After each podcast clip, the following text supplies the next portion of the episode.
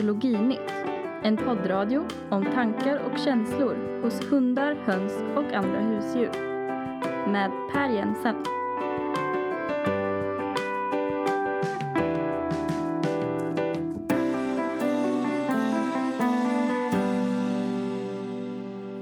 Vår, våra hundar idag. Mm. Ehm, Det är varmt, ja, fast inte stekhett. Det är en skön sommardag. Ja, det är det. Man funderar på vad hundarna egentligen ser och känner. De, de luktar ju saker, de känner ju saker som inte Och vi äter gräs. Ja, det gör Majken just nu här. Majken, ska du komma? Hon har inte riktigt tid med oss för hon är skendräkt och har sitt eget eh, lilla... Tänkesätt just nu. Mm. Men eh, en sak som man ju funderar väldigt mycket på med hundar eh, och som faktiskt har kommit en alldeles ny vetenskaplig rapport om det är ju om de känner magnetfält. Aha. Och eh, jag måste erkänna att jag har varit väldigt skeptisk för det har gjorts en del forskning tidigare och eh, då har man undersökt det här på olika sätt men eh, alltså, de här undersökningarna har inte varit superbra tycker jag. Men nu har det kommit en helt ny forskningsrapport härifrån ett tysk-tjeckiskt forskarlag. Okej. Och den undersökningen är faktiskt riktigt bra gjord. De har, eh, eh, de har undersökt om, man kan träna en hund på att hitta en gömd magnet. Ja. Och eh, sättet de gjorde det på var väldigt, väldigt elegant. Först så tränar de hunden på med hjälp av en klicker att de blir belönade om de, Hittar den, ja. ja, om Mm. de pekar på den där magneten och så där. Och sen gömde de magneten i en burk och fortsatte att träna hunden. Och sen när de väl testade hundarna så eh, hade man tre burkar. En av dem innehöll en magnet inlindad i en eh, trasa. Ja. De två andra innehöll bara en liten metallbit som inte var magnetisk. Och Okej. fick de stå en bit ifrån varandra.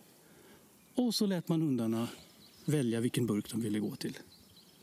Och de här hundarna klarar det här alltså långt över vad, vad man... Alltså statistiskt Ja, säkerställt. precis. Alltså, Mm. De skulle ju kunna gissa. Det var alltid tre burkar, så en tredjedel av burkarna skulle de hitta om de bara gissade sig fram.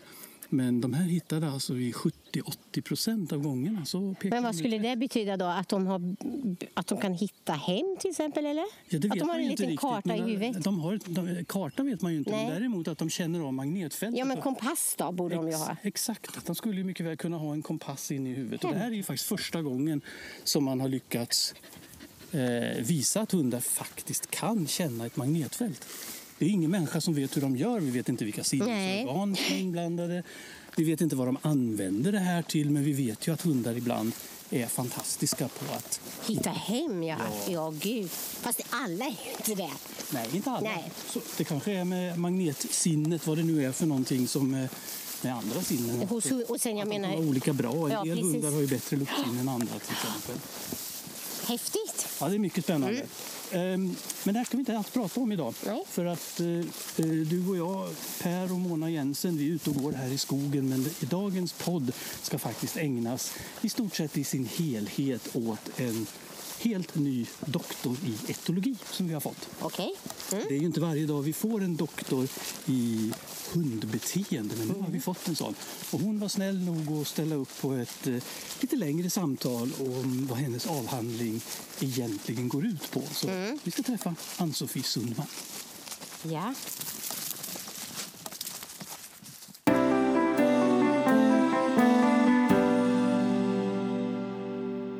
Ann-Sofie Sundman, eller Doktor Sundman. Exakt, det är viktigt att få titlarna rätt. Ja, det är det. Ehm, vad trevligt att ha med det här i podden igen. Och eh, nu har det gått ungefär en eh, dryg vecka sedan du försvarade din doktorsavhandling. Jajamän, precis.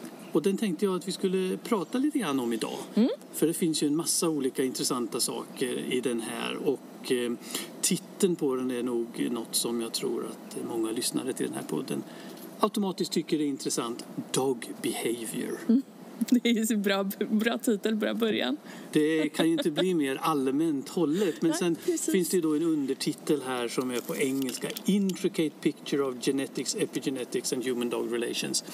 Eh, Så att eh, du har ju inte tittat på naturligtvis alla tänkbara aspekter av hundars beteende. Nej, eh, nej, det är ju tyvärr tidsbegränsat. Ja, Ja, annars hade jag ju fortfarande hållit på. just det. Mm. Men man har ju bara fem år på sig så då hinner man inte titta på så mycket mer Nej. än det jag har gjort. Ja. Exakt, och det är ju trevligt att du säger bara fem år. För jag kan tänka mig att en och annan tänker att "Ja, fem år, vad hittar man på i fem år?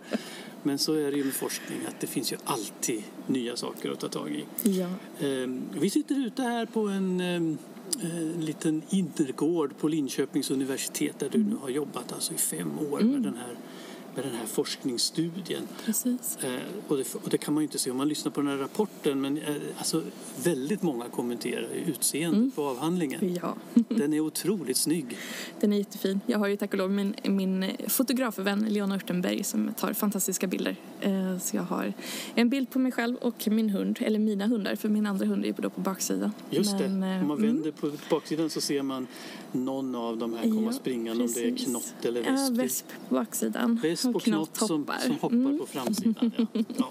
Ja, men det är jättefint och eh, ibland är ju sådana här avhandlingar väldigt strikta och formella, Mm. tråkiga så här. Men en bild på, på en hund på framsidan får ju alla att smälta. Ja, men precis. Och man ska också utnyttja vad, sitt forsknings eller sitt modelldjur eh, så att man eh, utnyttjar det till fullo. Det är lite tråkigare de som jobbar med bananflugor tänker jag. De Ja. har lite jobbigare att få till bra bilder. Det är inte samma eh, sån här sötfaktor. Nej, precis. Inte riktigt.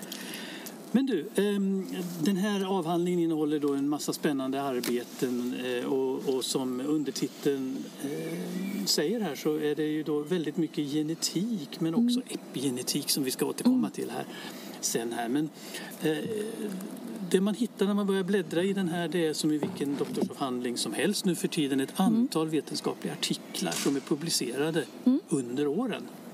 Precis. Eh, och det är så man gör nu för tiden. Man publicerar artiklar efterhand och sen så sätter man ihop dem till en bok. Ja. Eh, och sen finns det ju då en del i den här boken som, som inleder den hela, den som vi inom fältet brukar kalla för ramberättelsen eller kappan. Där du själv har fått utveckla dina tankar. Och ja. det är ju, eh, jag skulle ju vilja säga att den här ramberättelsen är ju väldigt spännande liksom helt för sig själv. Därför Ja. att den är ju lite som en, ska vi säga, en grundkurs i hundetologi Ja. på många sätt. Men precis, och jag skrev den lite med... För vi, man kan ju skriva den på lite olika sätt. Eh, men jag hade faktiskt tanken att jag ville att den skulle kunna vara lättillgänglig även för folk som inte är väldigt i fältet utan även Ja. bara som har ett stort intresse för hundars beteende och sådär. Så, Så att, och, och den, är, eh, den varierar ju naturligtvis, den, den blir ju mer och mer teknisk ju längre den kommer men den Ja. börjar från början med liksom, hur gick det till när hunden blev hund och, Ja. och så jobbar du det framåt till dina resultat. Och det vi kan säga till eh, de som är intresserade av det här det är att den här finns ju att få tag på på nätet. Om man Jajamän. går in, ja hur gör man? Jag är lite osäker själv faktiskt men Linköpings universitets bibliotek kanske? Ja, precis. Och, alltså, den finns på Google Books också, eller Google Böcker. Ja. Så man kan söka. Och gör man en Google-sökning så hittar man den. Så man Google googlar bra. Ann-Sofie Sundmans Ja. dok- eller Dog Behavior Ja, helt enkelt. precis. Så dyker den här upp som en pdf. Exakt. Den, tycker jag, alltså, den, den, den kan man nog ha stor glädje av även om man inte är inne i forskningsvärlden. Och när du började forska så de första, eller den allra, allra första artikeln som, som kom ut här det- den handlar ju då om eh, saker och ting som har hänt med hundarna under de allra sista decennierna. Mm, ja, Berätta. precis. Eh, ja, alltså, den, eh, den moderna rasen föddes för ungefär 200 år sedan. Jag menar ras, ra, alltså Ja, hund, den renrasiga hunden. Men precis, de föddes för ungefär 200 år sedan när kennelklubbarna började och eh, hundutställningar började. Eh, Men det har också hänt en hel del sedan dess. Eh, Så till exempel då så finns det ju raser som många känner till som har delats upp i två olika linjer. Ja. Där uppfödarna helt enkelt haft olika intressen. Vissa har velat behålla det ursprungliga, till exempel jaktbeteendena Ja. och andra har varit mer intresserade av utställningsbiten eller sällskapsbiten. ja, just det. Så till exempel då så har vi golden retriever och labrador retriever där det finns en linje och en eh, showlinje eller vanlig linje. Ja, just det. Precis. Och, eh, det kanske är viktigt att man börjar med att fundera över, och du säger att den moderna rasen föddes för 200 år sedan un, ungefär, men, men ehm, vad menar man då med en ras? För frågar man kennelklubben så finns det bara en labrador och en golden retriever. Ja, precis. Men vad är, vad är då en hundras? Ja, det var ju en komplicerad fråga du börjar med. Ja, och det finns det väl många eh, diskussioner om vad som egentligen är en ras. Men eh, det är väl framförallt en, att man har en stambok. Som, alltså det, och det var ju det som startade då för 200 år sedan. Innan dess så hade man inte så stort intresse av att veta hur den här, eller om man skulle till exempel avla fram en jakthund så var man inte så intresserad av utseende eller föräldrar och att alla såg likadana ut utan man var ju intresserad av funktionen. Ja, så man plockade de som var bäst på Precis, den här jakten. ja. Ja. Mm. Och sen då så blev man ju mer och mer intresserad av det här med att det skulle följa en rasstandard och Mm. att det skulle följa, ja men att man inte skulle avla utanför eh, den här linjen då, eller eh, ja, stamboken. Nej, just det. Mm. Och det betyder ju då i praktiken att en ras är helt enkelt en, en genetiskt stängd population. Mm. En golden retriever får då bara betraktas som en golden retriever enligt kennelklubben om föräldrarna är renrasiga golden retrievers. Mm. Precis. Och de kan bara vara golden, renrasiga om deras Ja. föräldrar är renrasiga. Exakt. Så det blir ju ett ganska litet eh, genflöde, alltså ett litet utbyte av avelsmaterial. Mm. Ja. Allt, allt det sker inom den här relativt lilla gruppen Mm. av hundar som tillhör rasen. Och det är också därför vi inom forskarvärlden och genetikvärlden tycker att hundar, hundar är så intressanta. Just eftersom de är eh, ja, genetic isolates, som man brukar säga på engelska. Så isolerade genetiskt. Mm. Och det innebär då att skillnader mellan olika hundraser, till exempel om de blir väldigt stora eller väldigt små eller om de får såna här korta ben eller långa ben, det kan man ju då använda de här genetiska populationerna till att leta reda på vilka gener som, som, eh, som orsakar de här skillnaderna. Ja, precis. Enkelt uttryckt kan man helt enkelt säga att man letar efter de platser i generna som skiljer mellan raserna. Ja. Och där, då hittar man också de här egenskaperna. Just det. Mm. Men då har du alltså eh, utnyttjat en, en, eh, vad ska vi säga, en företeelse, nämligen att en del eh, struntar i vad Kennelklubben säger. Eller inte Mm. Nej, det helt, ja, nej det kan man precis, inte det säga. de inte. Det kan Men man inte de, säga. eh, Men man, man, man bygger på det genom att göra ytterligare undergrupper inom rasen. Ja, precis. Så kanske man kan säga. Eh, ja, men precis. Som sagt så det finns ju olika intressen. Så även om man har den här rasstandarden och en kennelklubb som säger någonting så finns det ju fortfarande väldigt många människor som har väldigt många intressen. Eh, så, och en sak är då det här med det man hittar hos eh, labradoren till exempel men även hos andra raser, till exempel hos border collie.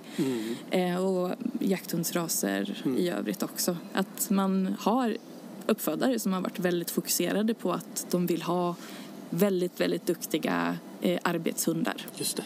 Och då har man inte varit fullt lika intresserad av hur bra det skulle gå på utställning eller hur eh, mysiga de här hundarna är i sängen. Nej, just det. Mm. Eh, Men vad heter det? Eh, Det är alltså labrador och golden Mm. som du då har koncentrerat dig på i det här fallet. Och, eh, då har vi då en annan sak som vi här i Sverige ska vara väldigt glada för, vi som är intresserade av hundars beteende. Ja, precis. Och det är att eh, våra hundägare runt omkring i landet är extremt samarbetsvilliga. Mm. Så du har använt dig av det här MH. Ja. Mentalbeskrivningen. Mm. Eh, som, ja, när startade den? På 90-talet. Mm. Och sen dess har det jättemånga hundar genomgått eh, den här beskrivningen för att folk Ja, helt enkelt är så intresserade av Det är över 100 000 hundar Ja. tror jag i den här databasen. Precis. Mm. Så eh, jo, det finns gott om material om man vill titta på det. Och MH, för de som kanske inte är helt eh, med på vad det här handlar om, Mm. det, det är alltså en slags standardiserad eller mer eller mindre standardiserad beteendetest. Mm, Vad, precis. vad, vad går den ut på? Vad gör man? Eh, ja, det finns eh, det är tio olika delmoment som man ska eh, gå igenom. Eh, och, först, eh, och så testar man lite olika delar, till exempel hur social hunden är, hur lekfull hunden är och sen också skrämmer den och ser hur rädd den blir för saker och ting och hur den reagerar vid hotande situationer. Mm. Och sen sätter, är det en erfaren testledare eller vad vi ska kalla personen Ja. Mm. för som följer med och sätter poäng på det här. Och sen kan man koka ner de här poängen på lite olika egenskaper. Mm. Sådär då då. Men hela den här databasen den, den, den har du då haft tillgång till Mm. i din forskning? Ja, precis. Och bland det här materialet så har jag då tittat på golden och labradorer och eh, tittat i en hel massa stamtavlor för att kunna dela upp de här i de olika typerna. Så Ja, att vi för- har de här jakttypen och den normala typen. För det här är ju då det som är en komplikation i den här forskningen Mm. det är ju att eh, som sagt var Kennelklubben erkänner inte att det här är två olika raser. Mm. Så i stambokföringen så står de helt enkelt som antingen golden eller labrador. Ja.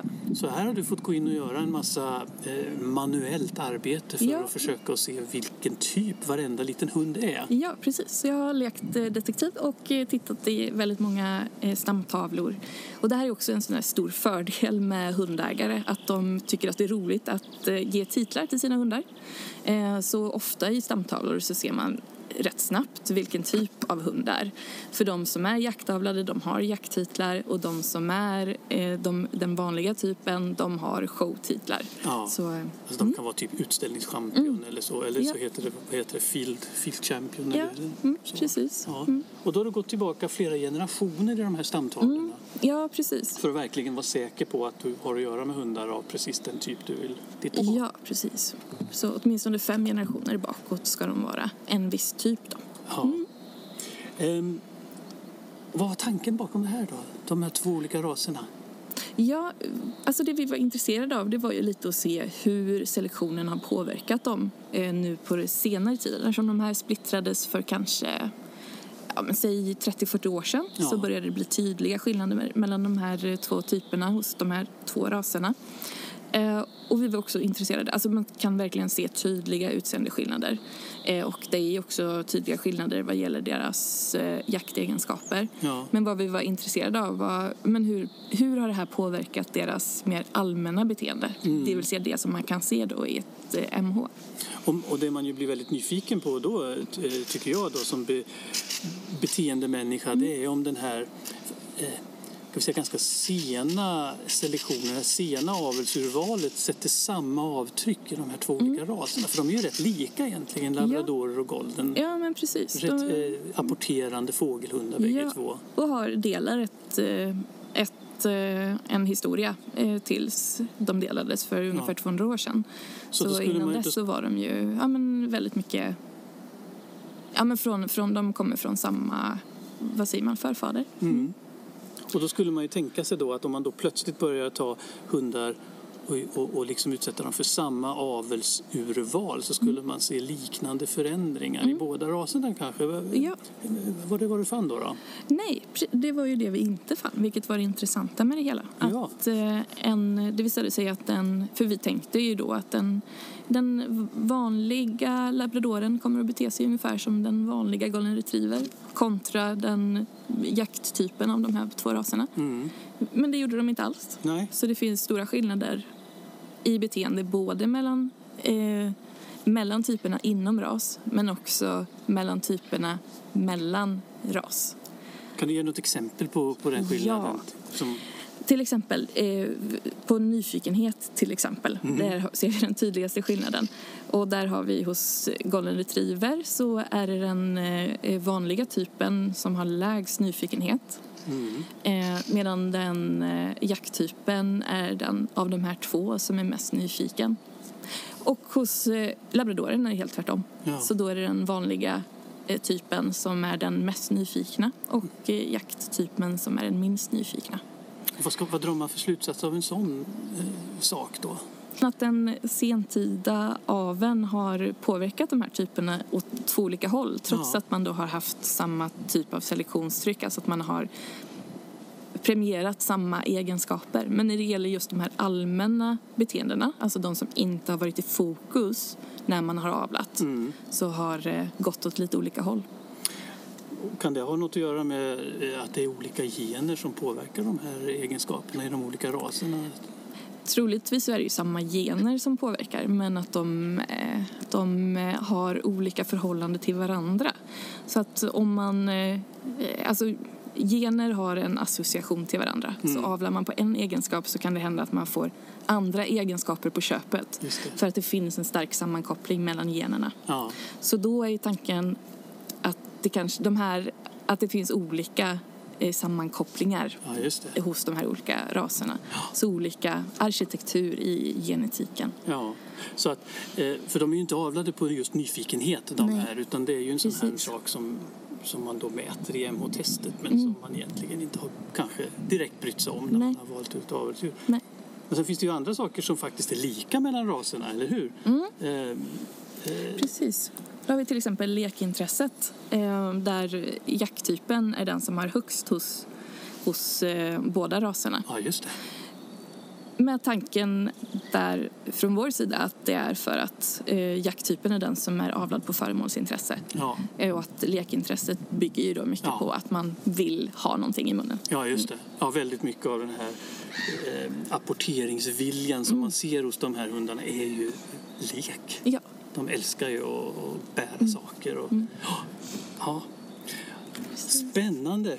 Mm. Ehm, men sen har du ju också haft en helt annan eh, vändning på en, en, del av din forskning här. Till exempel så har du intresserat dig en hel del för ehm, kommunikation mellan eh, hundar och människor. Mm.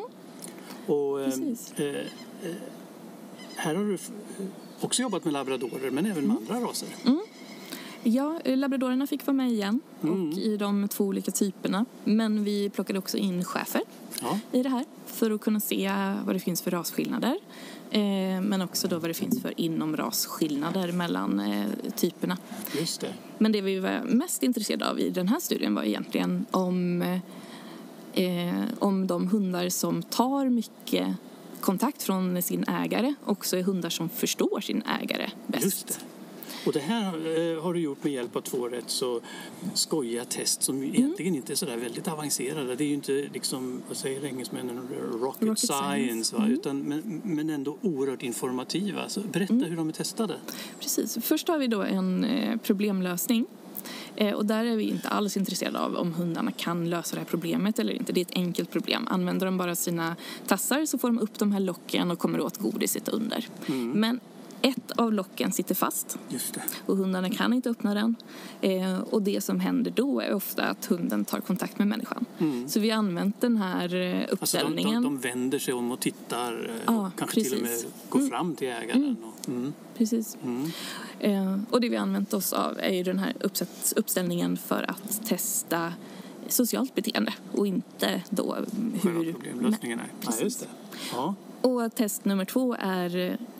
Om, ja, första testet är då om hur mycket kontakt hunden tar med, med människor. Och i test två så testar vi då istället eh, hur väl de förstår pekningar. ja.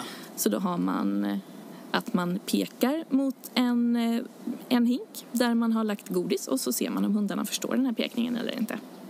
Och kontra varg så dels så tar, de, tar hund mer kontakt med människan Mm. eh, och eh, vargar är sämre på att förstå de här pekningarna i pektestet.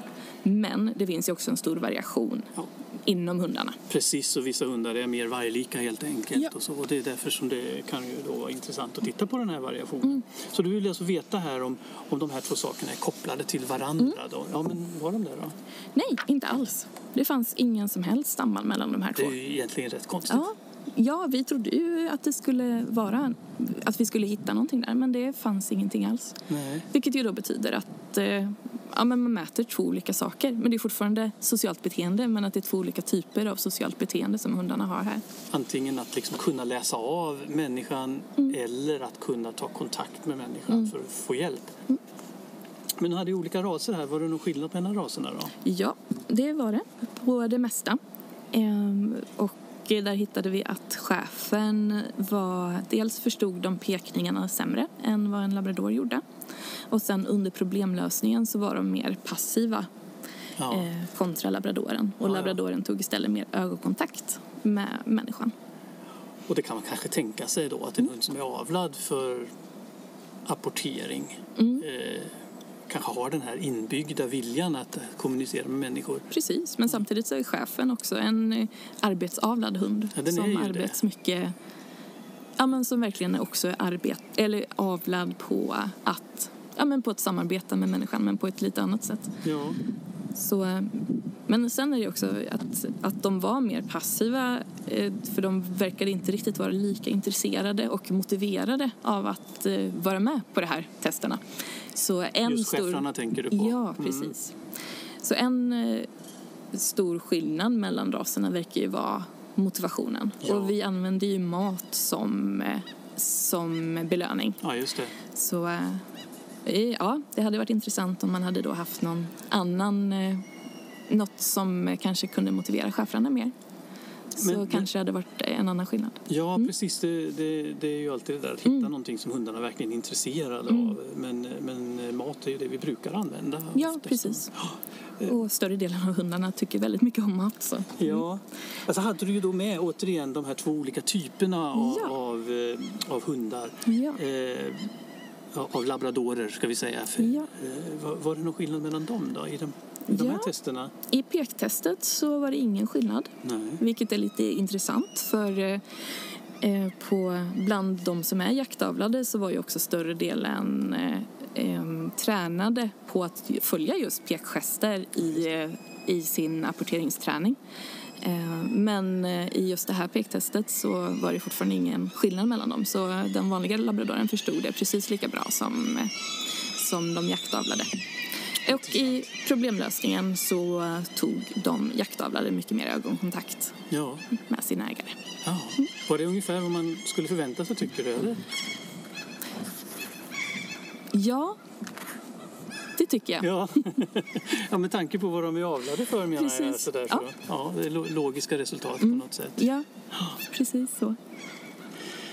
Ehm, och det här med ehm, eh, att be om hjälp och att ta kontakt med människor och så vidare. Det, det har du också studerat i vidare arbeten här men från ett, ett, eh, ett mycket mer ska säga, grundläggande perspektiv. Nämligen så har du tittat på de gener som möjligen kan ligga bakom den här variationen som man ser. Och nu eh, har du fortsatt där då. Det är fortfarande golden och labradorer som, vi, som vi tittar på. Men, Ja. men, men hur vad handlar det här om då? Ja, men det är problemlösningen som vi använde då i den förra studien också. Ja, Eh, och där har eh, tidigare studier från eh, Mia Persson eh, har gjort en, ja, men en stor studie där man letar efter eh, variationer i genomet som kan eventuellt vara kopplat eh, till eh, socialt beteende. just det. Och då, I den så hittade hon att det fanns kopplingar mellan eh, två specifika variationer Mm, och hos hundrasen beagle. just det. Och nu var vi intresserade av att se om kunde det här förklara socialt beteende även då hos golden och labrador. Ja, för om man hittar det hos en ras så kan det ju alltid vara någonting konstigt som har hänt just i den rasen eftersom de är genetiska små isolat som, som du sa tidigare. Eh, men här har vi då två helt nya raser. Eh, och de testades då i precis det här problemlösningstestet Ja. som inte egentligen har att göra med problemlösning utan Nej. hur mycket de då tar kontakt med, med människan.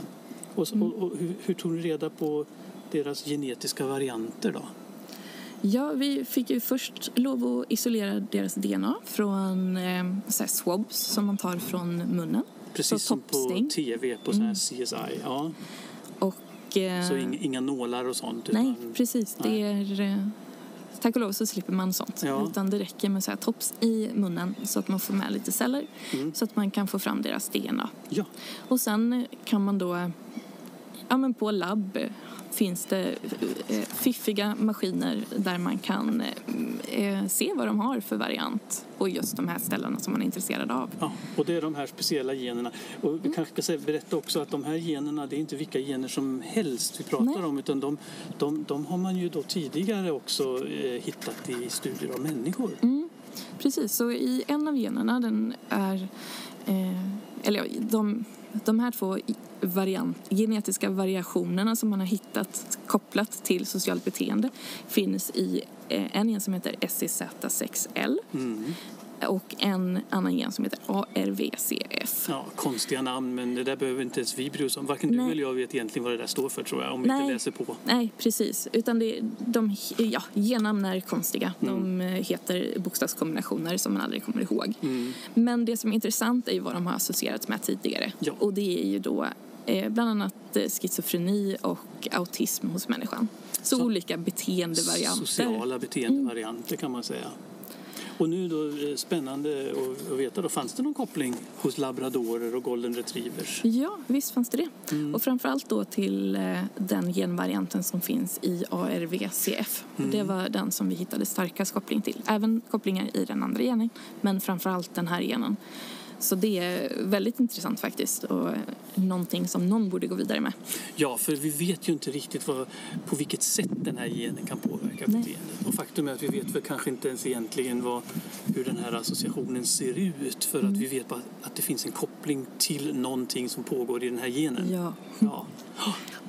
Men man skulle ju kunna tänka sig att det här är då gener som människan kanske har, har varit speciellt intresserad av under resan från varg till hund. Ja, och det vet vi också att för dels så mätte vi även på eh, vargprover hur, vad de hade för eh, variant på den här platsen i genomet. Vi hade Eh, varg-DNA också Mm, alltså. precis.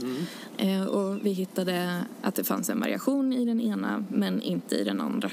Så då kan man ju tänka sig att den variationen som vi hittade hos hundarna är någonting som har uppkommit under domesticeringen. Ja, Ehm, en mutation som vi säger, för en genetisk förändring som Mm. uppstått någonstans och visat sig då vara gynnsam så att människor har helt enkelt fortsatt att avla på de hundar som har burit på den varianten. Då.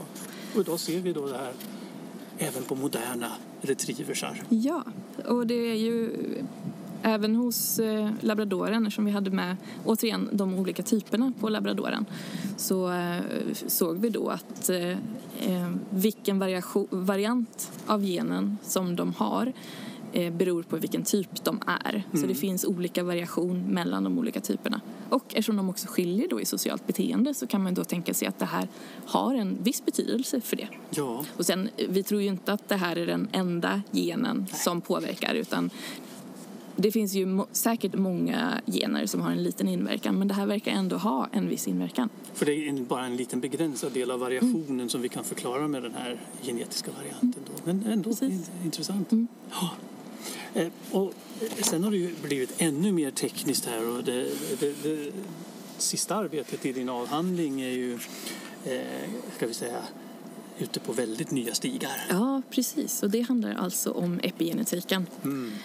Ehm, och det är ju ett väldigt nytt område Mm. eh, på alla fronter. Det var väl inte så länge sedan man ens kom på att eh, hur stor inverkan epigenetik kan ha på allt. Nej, precis. För att eh, när jag var student och kanske till och med när du var student också, när man, då fick man lära sig att eh, gener kan komma i lite olika varianter och det är det som gör att vissa är blåögda, vissa är brunögda, vissa är rödhåriga, andra är inte och så vidare och så vidare. Eh, Men det var den gamla goda tiden för nu för tiden vet vi att det finns saker som även påverkar hur generna faktiskt jobbar kan man väl säga. Ja. Så eh, man, alltså, gen, generna är ju eh, statiska. Ja. Vi, vi har dem som vi har ärvt från våra föräldrar. Mm. Annat än i väldigt ovanliga fall där det faktiskt dyker upp någon typ av mutation. Ja. Men det är inte så vanligt direkt. Eh, Men det har ju visat sig då att eh, eh, genexpressionen, alltså det som generna faktiskt resulterar i, alltså det som de kodar till, Mm. Eh, varierar. Mm. Och det här är alltså då epi, där epigenetiken kommer in. Och det här är något som kan påverkas av erfarenheter, av miljö, vad man äter. Om man har varit Mm. sjuk så kan, så kan alltså sättet som generna Mm. så att säga uttrycks på påverkas av Mm. olika kemiska förändringar i DNA. En väldigt intressant studie på det här är ju hur eh, råttor påverkas av hur deras eh, mammor tar hand om dem. Så beroende på om det är eh, mycket omvårdnadsbeteende eller om det är lite omvårdnadsbeteende så kommer det här att påverka råttorna hur de hanterar stress längre fram i livet. Ja.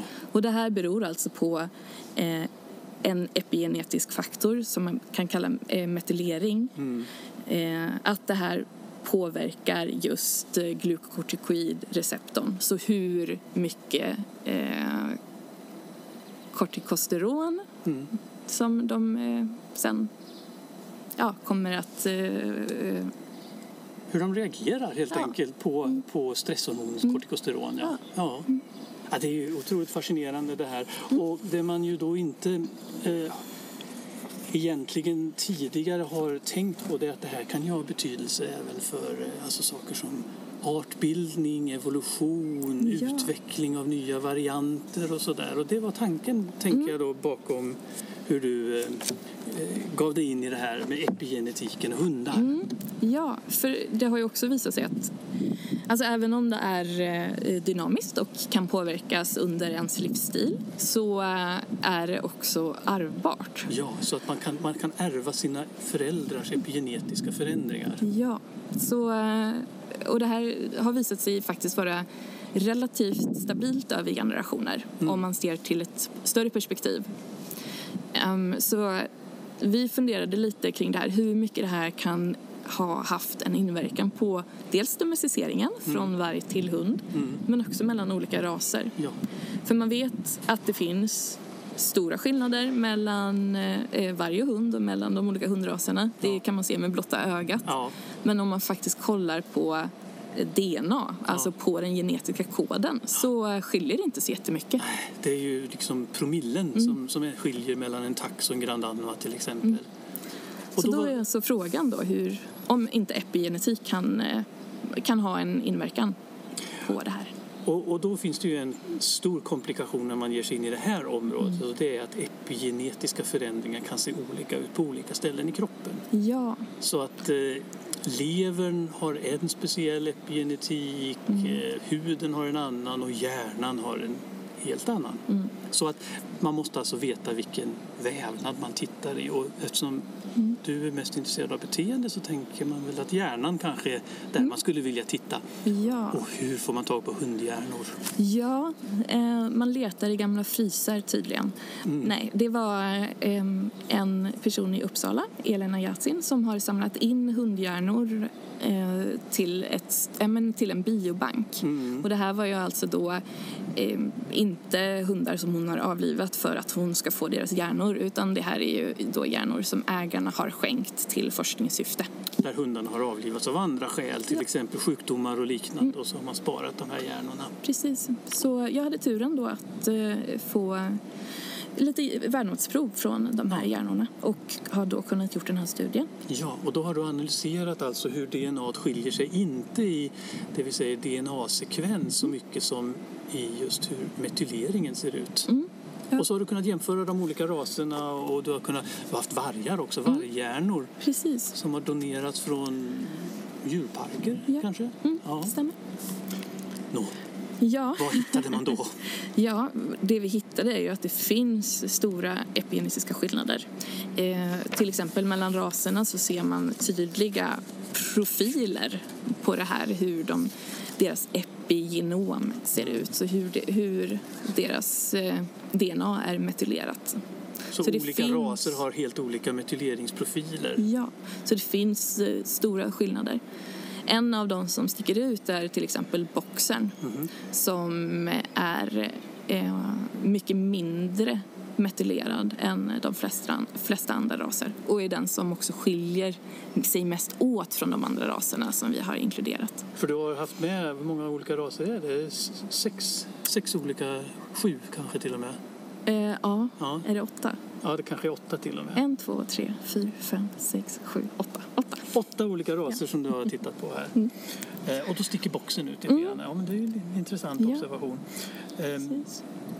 Men vad, vad, vad ska man dra för slutsatser av det här då? Kan det alltså vara så Mm. att en del av de stora rasskillnader som vi ser har att göra med epigenetiska förändringar mer än genetiska? Ja, det är min hypotes och min gissning från det hela. För, och sen, alltså det här är bara en... Alltså som sagt, det här är ett väldigt nytt område. Så det här är ju en av de första studierna som tittar på någonting sånt här. Ja. Så det är ju... Ja, området är i sin linda, så Ja. att säga. Så eh, längre fram kommer det definitivt att bli mer specifika studier på hur eh, specifika skillnader ger specifika förändringar.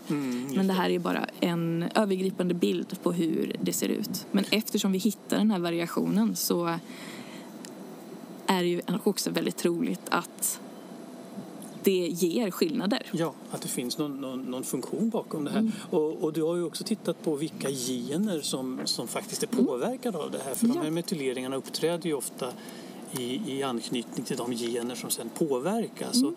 Och, och, om vi inte ska bli allt för tekniska här och gå in på detaljer och så, Mm. så ändå, vad vad är det för typ av gener som, som verkar ha, ha, ha, ha råkat ut för den här metyleringen? Ja, men en stor del är eh, gener som eh, har att göra med eh, neurologiska effekter.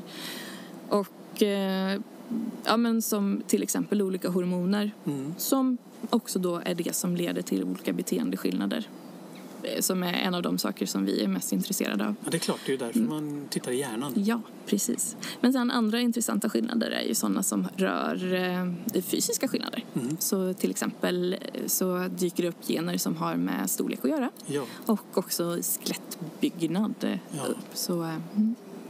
Intressant. Mm. Och det här är ju som sagt var ett, ett, ett helt nytt fält men det Mm. är ju väldigt slående när man, när man nu tänker på hur ja, du sa ju själv här inledningsvis att de moderna raserna är kanske 200 år gamla. Mm. Och den enorma variation som vi har bland Mm. hundraser eh, samtidigt som det är väldigt liten skillnad på DNA. Mm. Men här har vi kanske då en pusselbit. Ja, precis.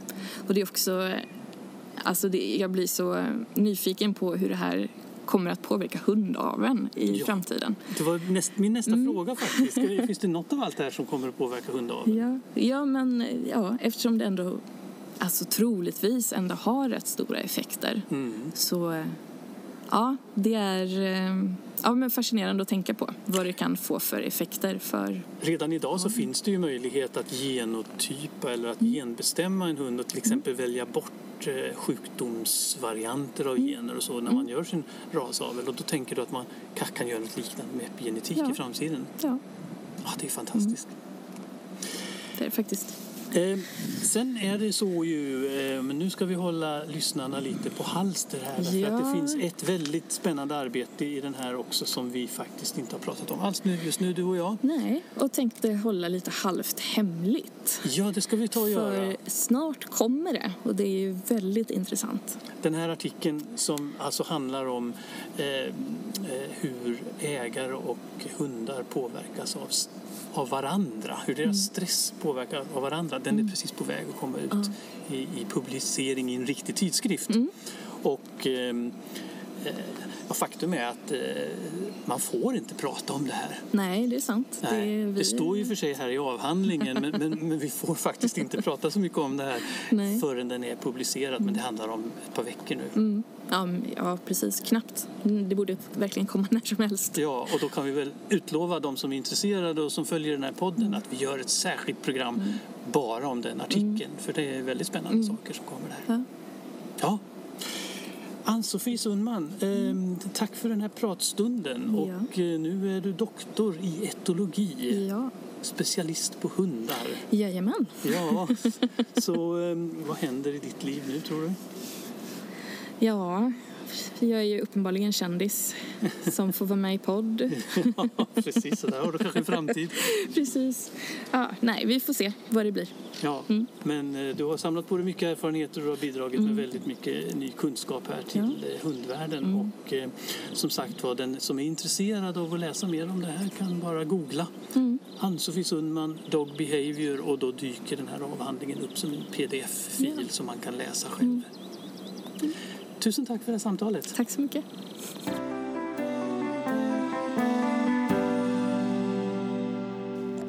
Ut i skogen ska vi gå. Ja, nu är vi ute i skogen och går, du och jag. Mm. Och ehm, nu har vi träffat Ann-Sofie Sundman så det här landet har ytterligare en ny doktor i etologi. Ja, det är roligt. Hon som var opponent på den här disputationen, för man har ju alltid en opponent, en person som kommer in ifrån eh, något, ofta ut, ut, utlands ifrån, eh, någon, någon duktig erfaren forskare som eh, diskuterar avhandlingen. Hon som var opponent den här gången, hon heter Sofia Virani. Ja. Och hon hade rest hit ifrån Wien. Eh, hon är föreståndare för någonting som heter The Wolf and Dog Science Park. Men. Fantastiskt ställe utanför Wien som eh, man har byggt upp där, där man har stora inhägnader och i de här inhägnaderna så lever dels vargar som är socialiserade, det vill säga man har nappat upp dem som Ja. tama och sådär, och dels hundar i precis likadana inhägnader. Så de här hundarna eh, ja, lever dygnet runt i de här jättestora hagarna och, och bildar flockar och, och sådär. Så man Har du varit där, eller? Nej, jag har inte varit där själv, men jag, jag vill ju komma dit Mm. snart. Men, men från det är här... lite sorgligt också. Ja, fast det här är hundar som ändå har fått ett väldigt bra liv för att man, man, man eh, Aktiverar och... man, ja, verkligen. Och det, de har mycket människokontakt varenda dag. Och. Ja. och det kommer ut en massa spännande forskning för då kan man ju liksom jämföra Ja. vargars och hundars beteende hos djur som liksom lever på samma sätt Mm. och har samma sociala erfarenheter och så. Och ett arbete ifrån den här gruppen kom alldeles nyligen och visade på ett resultat som jag inte riktigt vet hur man egentligen ska tolka men det kan ju vara kul att ändå berätta om det. Det handlar om något man kallar för prosocialt beteende. Ja. Man skulle nästan kunna kalla det för någon slags av liksom hjälpsamhet, hjälpsocialt beteende. Man tränade de här hundarna och vargarna eh, på en, en pekskärm. Och själva testet gick till så att hundarna befann sig i var sin avdelning i ett rum så de kunde liksom inte ha fysisk kontakt med varandra men de kunde se varandra. Den ena hunden hade då den här pekskärmen och när den tryckte på en symbol Ja. så fick kompisen mat i den andra buren Okej. av en person som, som var med där. Då. Själv fick den ingenting. Då. Men kunde den se den andra buren? Ja, den kunde se den andra och den kunde tydligt se. Ja. Och så jämförde man vargar och hundar. Hur, Ja. hur ofta är de så att säga snälla Ja. och givmilda mot sina kamrater? Ja. Och det visar sig att vargarna är betydligt mer än hundarna. Jaha. Alltså mer än dubbelt så många såna här givartillfällen kunde man registrera Men gud, hos det är de vargar. små gnetiga... Ja, man, man kan ju fundera på vad det är, men alltså det kanske har någonting att göra med att hundar i första hand är inriktade på att samspela med oss människor, att hundar inte har riktigt lika starka sociala band Till andra hund- hundar nej. som de har till människor. För en intressant sak med de här För vargarna... här trodde man ju nästan tvärtom. Ja, måste- exakt. ja. Det skulle man ha trott, men, men så var det inte.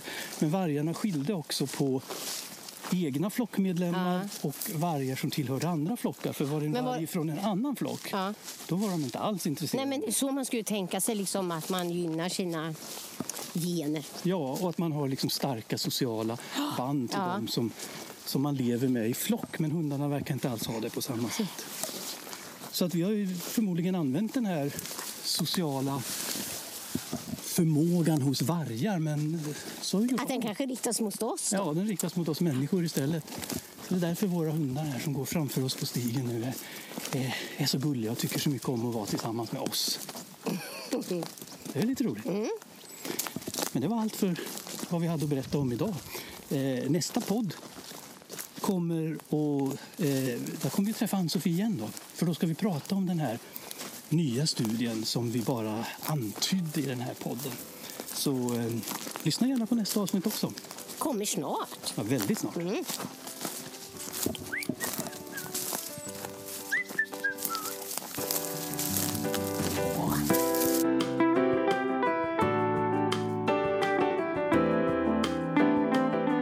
Du har hört Etologinytt, en poddradio från text, tal och ton. Producent och programledare var Per Jensen.